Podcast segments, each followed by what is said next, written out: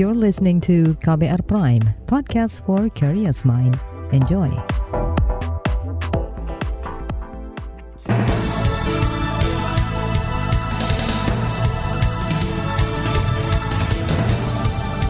Selamat pagi saudara, senang sekali kami bisa menjumpai Anda kembali melalui program Buletin Pagi edisi Jumat 9 September 2022. Bersama saya Naomi Liandra. Sejumlah informasi pilihan telah kami siapkan, di antaranya harga BBM dan tarif ojol naik, pemerintah diminta benahi transportasi publik. Ratu Inggris Elizabeth II tutup usia. Indonesia ambil alih kontrol ruang udara di Riau dan Natuna. Inilah Buletin Pagi selengkapnya. Terbaru di Buletin Pagi. Saudara, pemerintah pusat dan daerah diminta membenahi transportasi publik usai kenaikan harga BBM subsidi dan tarif ojek online. Pembenahan ini dilakukan agar masyarakat mengurangi penggunaan kendaraan pribadi dan beralih ke kendaraan umum. Wakil Wali Kota Bogor, Jawa Barat, Dedi Abdurrahim, mengklaim daerahnya siap melakukan pembenahan. Infrastruktur transportasi bus bernama Biskita sudah dibangun salah satu upaya kita untuk uh, menghilangkan stigma Bogor kota sejuta angkot itu adalah melakukan reduksi angkot ya, reduksi angkot, kemudian mengkonversi dari angkot ke bis, dan kemudian melakukan juga rerouting. Ya, jadi rute-rutenya ditata kembali. Ini sudah kita lakukan dan uh, jumlah angkot di kota Bogor sebetulnya kalau Mbak sekarang ke Bogor mungkin sekarang udah nggak se-crowded dulu ya, sekarang sudah lebih tertata. Wakil Wali Kota Bogor, Dedi Abdurrahim menambahkan, skema pembelian layanan atau buy the service juga sudah diterapkan. Buy the service atau BTS merupakan mekanisme pembelian layanan angkutan umum massal oleh Kementerian Perhubungan kepada operator angkutan umum swasta berdasarkan nilai angkut yang dihitung per kilometer. Sejauh ini pengembangan program BTS sudah beroperasi di 11 kota. Berikutnya program ini akan dilanjutkan hingga tahun depan dengan nilai total 500 miliar rupiah. Hal itu diungkapkan Dirjen Perhubungan Darat Kementerian Perhubungan Hendro Sugiatno dalam rapat bersama DPR Rabu kemarin. BTS by the service di 10 kota sebesar 589,87 miliar terdiri dari subsidi serta termasuk fleet management dan pendampingan manajemen proyek dan implementasi angkutan massal perkotaan melalui dana PHLN sebesar 50 miliar. Dirjen Perhubungan Darat Kemenhub Hendro Sugiatno menjelaskan, 10 kota itu di antaranya Medan, Palembang, Bandung, Banyumas, Yogyakarta, Surakarta, Surabaya, Denpasar, Makassar, dan Banjarmasin. Sebelumnya, Menteri Perhubungan Budi Karya Sumadi mengatakan subsidi operasional transportasi umum bagi daerah diberikan lewat program BTS. Daerah hanya diminta meningkatkan minat masyarakat menggunakan transportasi umum.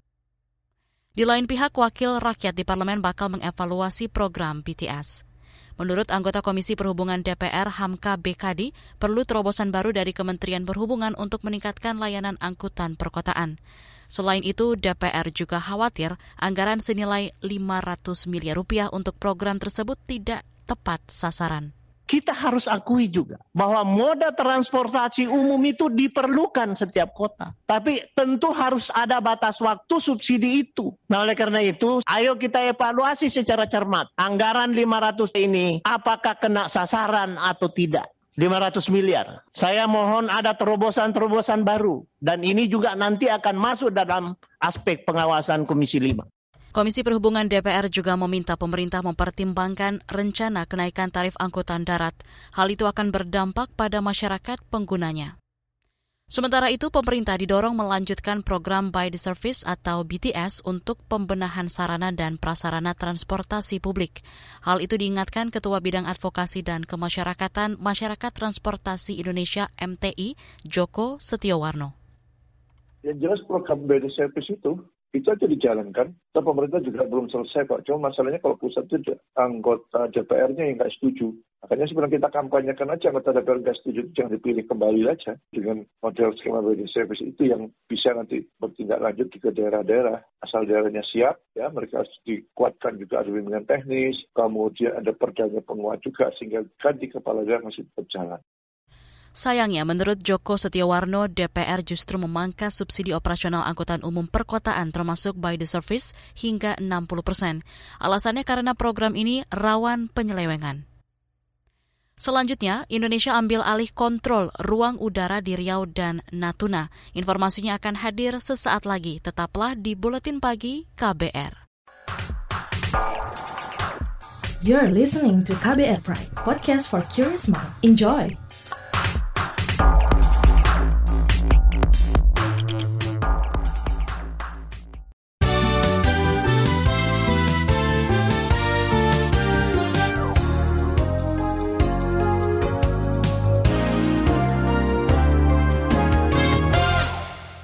Anda sedang mendengarkan buletin pagi KBR. Indonesia resmi mengambil alih kontrol ruang udara atau VIR di atas Kepulauan Riau dan Natuna dari Singapura. Hal itu diumumkan Presiden Joko Widodo setelah menandatangani peraturan Presiden Perpres pengesahan perjanjian VIR Indonesia dan Singapura kemarin. Sudah lama ruang udara kita yang berada di atas Kepulauan Riau dan Natuna dikelola oleh Singapura. Dan Berkat kerja keras semua pihak, kita telah berhasil mengembalikan pengelolaan ruang udara di atas Kepulauan Riau dan Natuna kepada NKRI. Dan ini menambah luasan Flight Information Region FIR Jakarta sebesar 249.575 km persegi. Selain untuk menegaskan kedaulatan ruang udara Indonesia, Presiden Jokowi menyebut pengambil alihan ini juga meningkatkan jaminan keselamatan dan keamanan penerbangan. Selain itu, kesepakatan ini bisa meningkatkan pendapatan negara bukan pajak. Ini juga jadi momentum modernisasi peralatan navigasi penerbangan dan pengembangan SDM Indonesia. TNI Angkatan Laut untuk sementara tidak akan mengoperasikan semua pesawat latih G-36 Bonanza atau di grounded. Menurut Kepala Staf TNI Angkatan Laut KSAL Yudo Margono, keputusan ini dilakukan usai pesawat dengan jenis yang sama jatuh di Selat Madura, Jawa Timur, Rabu pagi lalu. Ini memang saya sampaikan untuk Bonanza jenis eh, kapal pesawat udara Bonanza G36 semuanya kita eh, dulu ya dulu untuk kepentingan investigasi. KSAL Yudo Margono mengatakan penghentian operasional pesawat buatan Amerika itu juga dalam rangka investigasi kasus kecelakaan di Selat Madura. Dalam insiden itu, pilot dan kopilot meninggal dunia. Kabarnya tidak ditemukan kursi pelontar di dalam pesawat itu. Kita ke informasi hukum. Pemilik PT Darmex Group atau PT Duta Palma, Surya Darmadi, menolak keras dakwaan yang disampaikan jaksa penuntut umum di pengadilan Tipikor kemarin. Ia juga mempermasalahkan penghitungan kerugian keuangan negara dan perekonomian negara yang berubah sejak tahap penyidikan dan penuntutan. Menurutnya, kebun yang ia miliki hanya senilai 4 triliun rupiah, tapi ia didakwa telah merugikan negara senilai total 86 triliun rupiah. Surya Darmadi didakwa di dua kasus hingga disebut merugikan negara puluhan triliun rupiah. Kasusnya yaitu tindak pidana korupsi kegiatan usaha perkebunan kelapa sawit dan tindak pidana pencucian uang atau TPPU. Kapolri Jenderal Listio Sigit Prabowo akan mencekal anggotanya yang terlibat di Konsorsium 303. Ia juga memerintahkan jajarannya mengusut dugaan konsorsium yang berkaitan dengan judi online itu.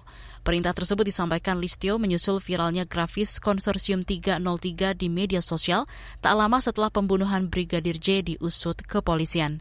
Selain judi online, dalam grafis itu juga disebutkan sejumlah bisnis ilegal yang dibackingi oleh Konsorsium 303. Di antaranya prostitusi, spare part palsu, solar subsidi, penyelundupan elektronik, miras, tambang ilegal, dan solar palsu. Asosiasi Serikat Pekerja Aspek Indonesia mendorong kenaikan upah buruh impas kenaikan harga BBM dan pangan. Menurut Presiden Aspek Indonesia, Mirah Sumirat, sejak awal formula penghitungan upah minimum tahun ini tidak mempertimbangkan kebutuhan hidup layak atau KHL. UMP tahun 2022 eh, sebesar 1,09 persen Sedangkan kita mengusulkan waktu itu sekitar 7 persen, kan 7 eh, persen usulan kita itu berdasarkan tadi yang komponen hidup layak KHL. Akhirnya jauh dari harapan, jauh dari perhitungan. Nah itu kan terjawab kemarin terjawab dengan harga BBM-nya rata-rata 31 persen itu. Jomplang, kondisi benar-benar sekarang sedang sulit Mbak. Jadi kawan-kawan pekerja buruh udah banyak yang, ya ampun deh, jerit-jerit Presiden Aspek Indonesia Mira Sumirat pesimistis adanya peluang dialog dengan pengusaha lantaran tidak diatur dalam Undang-Undang Omnibus Law Cipta Kerja. Karenanya ia meminta pemerintah mengintervensi agar rupiah minimum tahun depan naik sekira 20 persen. Aspek Indonesia juga menolak penghitungan upah tahun depan menggunakan formula baru hasil Undang-Undang Cipta Kerja. Laporan investigasi tindak pidana perdagangan orang atau TPPO dari LSM Kontras menyebut banyak pekerja migran Indonesia dari NTT terjerat bujuk rayu dan iming-iming perekrutan ilegal. Menurut Divisi Advokasi Internasional Kontras Aulia Ryan, pekerja migran asal NTT ini juga tidak memegang atau mengurus dokumen yang diperlukan, termasuk perjanjian kerja.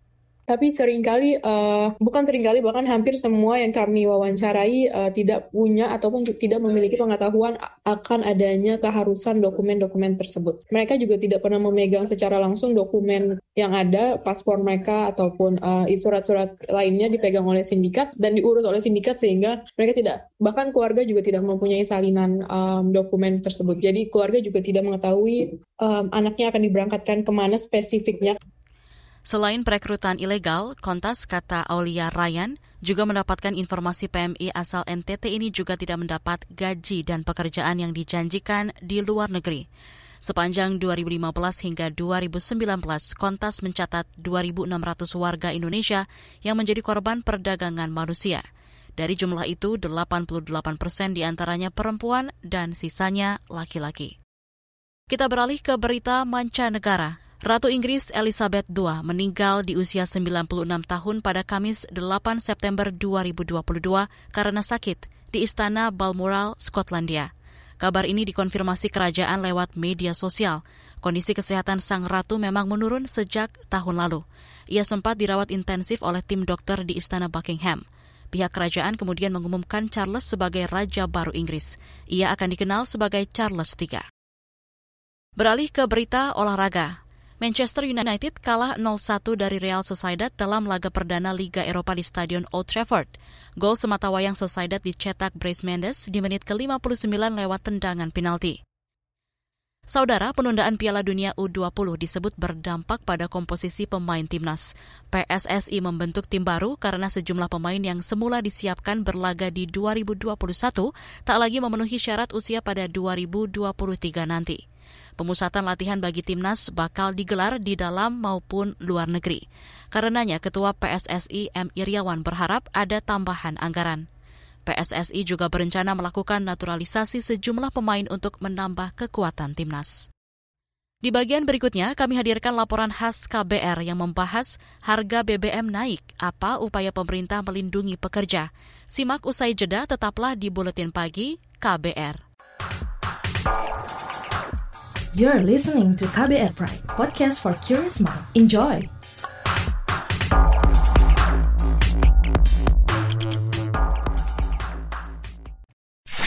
Commercial break. Commercial break. Lo boros. Gue maskulin. Rokok membunuhmu. Rokok menyelamatkan negara. Lo, Lo salah. Perdebatan yang sengit antar keduanya tidak pernah selesai dari zaman kereta roda 3 sampai kereta listrik. Dan inilah debat sebat. Membahas fakta dan mitos yang ada di balik sebungkus rokok. Dengarkan podcast Debat Sebat di KBR Prime, Spotify, dan semua platform mendengarkan podcast lainnya. Diproduksi KBR Prime, podcast for curious minds.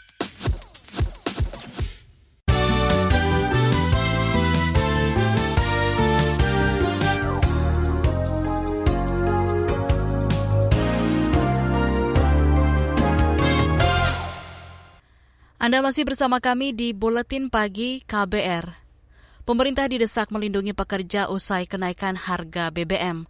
Perlindungan tersebut meliputi kenaikan upah hingga penyaluran subsidi upah pekerja. Hal itu diperlukan untuk menjaga daya beli pekerja di tengah kenaikan harga BBM hingga kebutuhan pokok. Lantas, apa saja upaya yang sudah ditetapkan pemerintah untuk melindungi pekerja? Berikut laporan khas KBR yang disusun Mutia Kusuma Wardani. Saudara, Asosiasi Serikat Pekerja atau Aspek Indonesia mendorong terjadinya dialog bipartit antara buruh dan pengusaha untuk membahas penyesuaian upah usai meningkatnya harga bahan bakar minyak atau BBM dan pangan. Sebab peningkatan tersebut menekan daya beli buruh terlebih dengan upah saat ini. Namun masalahnya menurut Presiden Aspek Indonesia Mira Sumirat, sejak awal formula penghitungan upah minimum 2022 tidak mempertimbangkan kebutuhan hidup layak atau KHL karena tidak diakomodasi dalam Undang-Undang Omnibus Law Cipta Kerja. UMP tahun 2022 eh, sebesar 1,09 persen sedangkan kita mengusulkan waktu itu sekitar 7 persen, kan 7 eh, persen usulan kita itu berdasarkan tadi yang komponen hidup layak KHL. Akhirnya jauh dari harapan, jauh dari perhitungan. Nah itu kan terjawab kemarin, terjawab dengan harga BBM yang rata-rata 31 persen itu. Jomplang, kondisi benar-benar sekarang sedang sulit mbak. Jadi kawan-kawan pekerja buruh udah banyak yang, ya ampun deh, jerit-jerit udah udah nggak kuat tanda kutip ya nggak kuat dalam tanda kutip untuk memenuhi kebutuhan hidupnya ini. Mira pesimistis bakal ada peluang dialog antara pengusaha dan buruh lantaran sudah tidak diatur dalam Undang-Undang Omnibus Law. Karenanya ia meminta pemerintah mengintervensi upah minimum tahun depan agar bisa naik sekira 20 persen. Angka itu mempertimbangkan tingginya inflasi dan upaya meningkatkan daya beli para pekerja. Ia menolak penghitungan upah tahun depan menggunakan formula baru di peraturan pemerintah tentang pengupahan seperti tahun ini. Berbeda dengan harapan buruh, Menteri Ketenagakerjaan Ida Fauzia menegaskan penetapan upah minimum tahun depan masih menggunakan formula baru dalam PP tentang pengupahan seperti tahun ini. Penetapan UMP dan UMK tahun 2023 dilaksanakan dengan menggunakan formula upah minimum. Nilai upah minimum tahun 2023 ditetapkan pada nilai tertentu di antara batas atas dan batas bawah pada wilayah yang bersangkutan dengan menggunakan formula sebagaimana diatur dalam pasal 26 PP nomor 36 tahun 2021. Saya kira ini adalah tahun kedua kita menerapkan uh, penetapan upah berdasarkan PP 36 tahun 2021. Sebelumnya tahun 2022 ini kita sudah menetapkan dengan menggunakan formula ini. Meski demikian, Menteri Badan Usaha Milik Negara Erick Thohir membuka peluang adanya penyesuaian upah pekerja usai kenaikan harga BBM. Terlebih ekonomi Indonesia masih tumbuh 5 persen per tahun. Namun untuk solusi jangka pendek, pemerintah diminta memberikan perlindungan pekerja berupa bantalan sosial pasca kenaikan harga BBM. Permintaan itu disampaikan anggota Ombudsman Robert Naendi Jaweng. Alasannya, skema bantuan sosial BBM untuk pekerja saat ini belum menyentuh pekerja informal dan pekerja yang tidak terdaftar di BPJS Ketenagakerjaan. Selain itu, Robert mendorong subsidi upah pekerja harus tepat sasaran dan segera disalurkan kepada yang berhak serta tidak mal administrasi. Kita tentu eh, apa berharap eh, apa namanya bantalan sosial ekonomi itu bisa kita siapkan sekaligus tidak menimbulkan ketimpangan pendapatan antara mereka sebagai penerima manfaat, yaitu adalah pekerja formal peserta BPJS Ketenagakerjaan, dengan mereka yang tidak mendapatkan itu.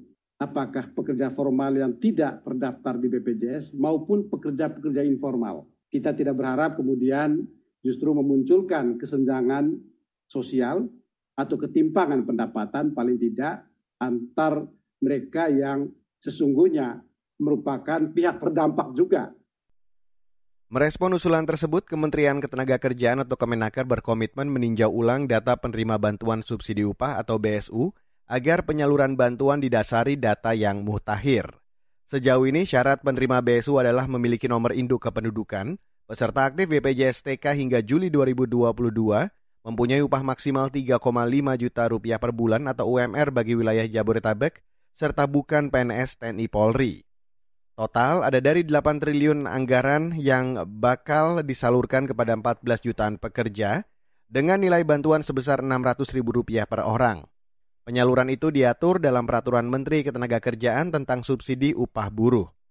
Sesdijen Pembinaan Hubungan Industri dan Jaminan Sosial atau PHI dan Jamsos Kementerian Ketenagakerjaan Surya Lukita Warman. Nah terkait dengan anggaran ini terus terang ini belum ada di DIPA kami, di DIPA Kementerian Kerjaan. Nah ini saat ini sedang proses penganggarannya. Jadi kami sedang intensif dengan Kementerian Keuangan untuk menganggarkan anggaran 8,78 triliun ini. Surya mengakui Kemenaker belum menyalurkan bantuan subsidi upah pekerja atau buruh meski kenaikan harga BBM sudah diumumkan sepekan lalu. Bantuan ditargetkan mulai disalurkan paling lambat awal pekan depan. Saudara, demikian laporan khas KBR, saya Reski Mesanto. Informasi dari berbagai daerah akan hadir usai jeda. Tetaplah bersama Buletin Pagi KBR. You're listening to KBR Pride, podcast for curious mind. Enjoy!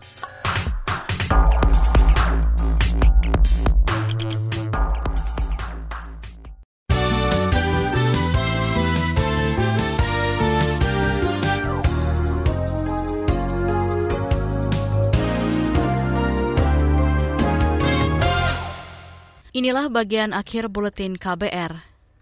Belasan pekerja migran Indonesia asal Bali diduga menjadi korban penipuan dan perdagangan manusia di Dubai, Uni Emirat Arab. Dikutip dari CNN Indonesia, kasus ini tengah ditelusuri Kementerian Luar Negeri RI. Namun, Kemenlu belum mendapatkan detail kronologis kasus tersebut. Keluarga dari belasan PMI itu juga belum resmi melaporkan kasus ini. Bupati Mimike Altinus Omaleng bakal diperiksa KPK di Gedung Merah Putih dalam kasus dugaan korupsi pembangunan gereja. Menurut juru bicara KPK, Ali Fikri, Altinus dijemput paksa di salah satu hotel di Jayapura Rabu lalu. Kami menilai yang bersangkutan uh, tidak kooperatif selama proses penyidikan perkara dimaksud uh, dilakukan oleh KPK uh, dan KPK sebelumnya juga telah berkirim surat eh, yaitu surat panggilan sebagai tersangka terhadap yang bersangkutan eh, pada tanggal 10 eh, dan 17 Juni 2022 namun tidak hadir memenuhi panggilan dari tim penyidik KPK. Itu tadi juru bicara KPK Ali Fikri. Hingga kemarin, KPK belum mengumumkan penetapan tersangka di kasus pembangunan gereja di Mimika. Meski begitu, Eltinus telah mengajukan gugatan atas status tersangkanya ke Pengadilan Negeri Jakarta Selatan. Aksi demonstrasi menolak kenaikan harga BBM masih terjadi kemarin di Jakarta dan sejumlah daerah. Di Jakarta, masa dari sejumlah elemen masyarakat dan mahasiswa menggelar aksi di Patung Kuda dan Kementerian ESDM. Kericuhan mewarnai demonstrasi itu. Di Sumatera Utara, enam pelajar ditangkap polisi saat berunjuk rasa di depan gedung DPRD Provinsi. Sementara di Solo, Jawa Tengah, ribuan mahasiswa berdemonstrasi dan menutup jalan di Adi Sucipto di depan kantor DPRD Kota. Polresta Banyuwangi, Jawa Timur berhasil mengungkap kasus penimbunan BBM dan menetapkan dua tersangka, salah satunya berprofesi sebagai guru. Kepala Satuan Reskrim Polresta Banyuwangi Agus Sobarna Praja mengatakan kedua tersangka ditangkap di lokasi berbeda.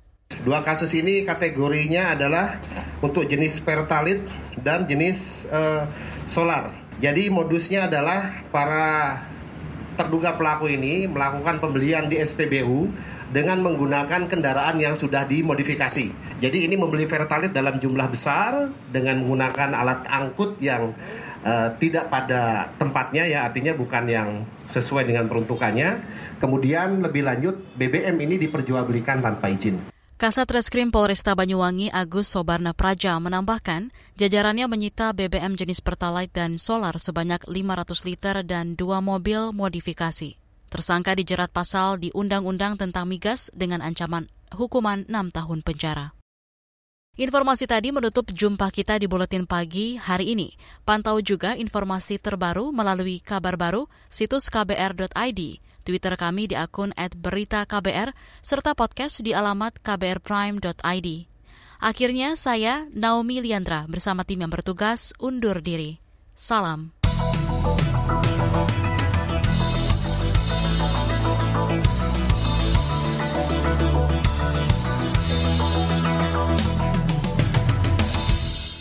KBR Prime, cara asik mendengar berita. KBR Prime, podcast for curious mind.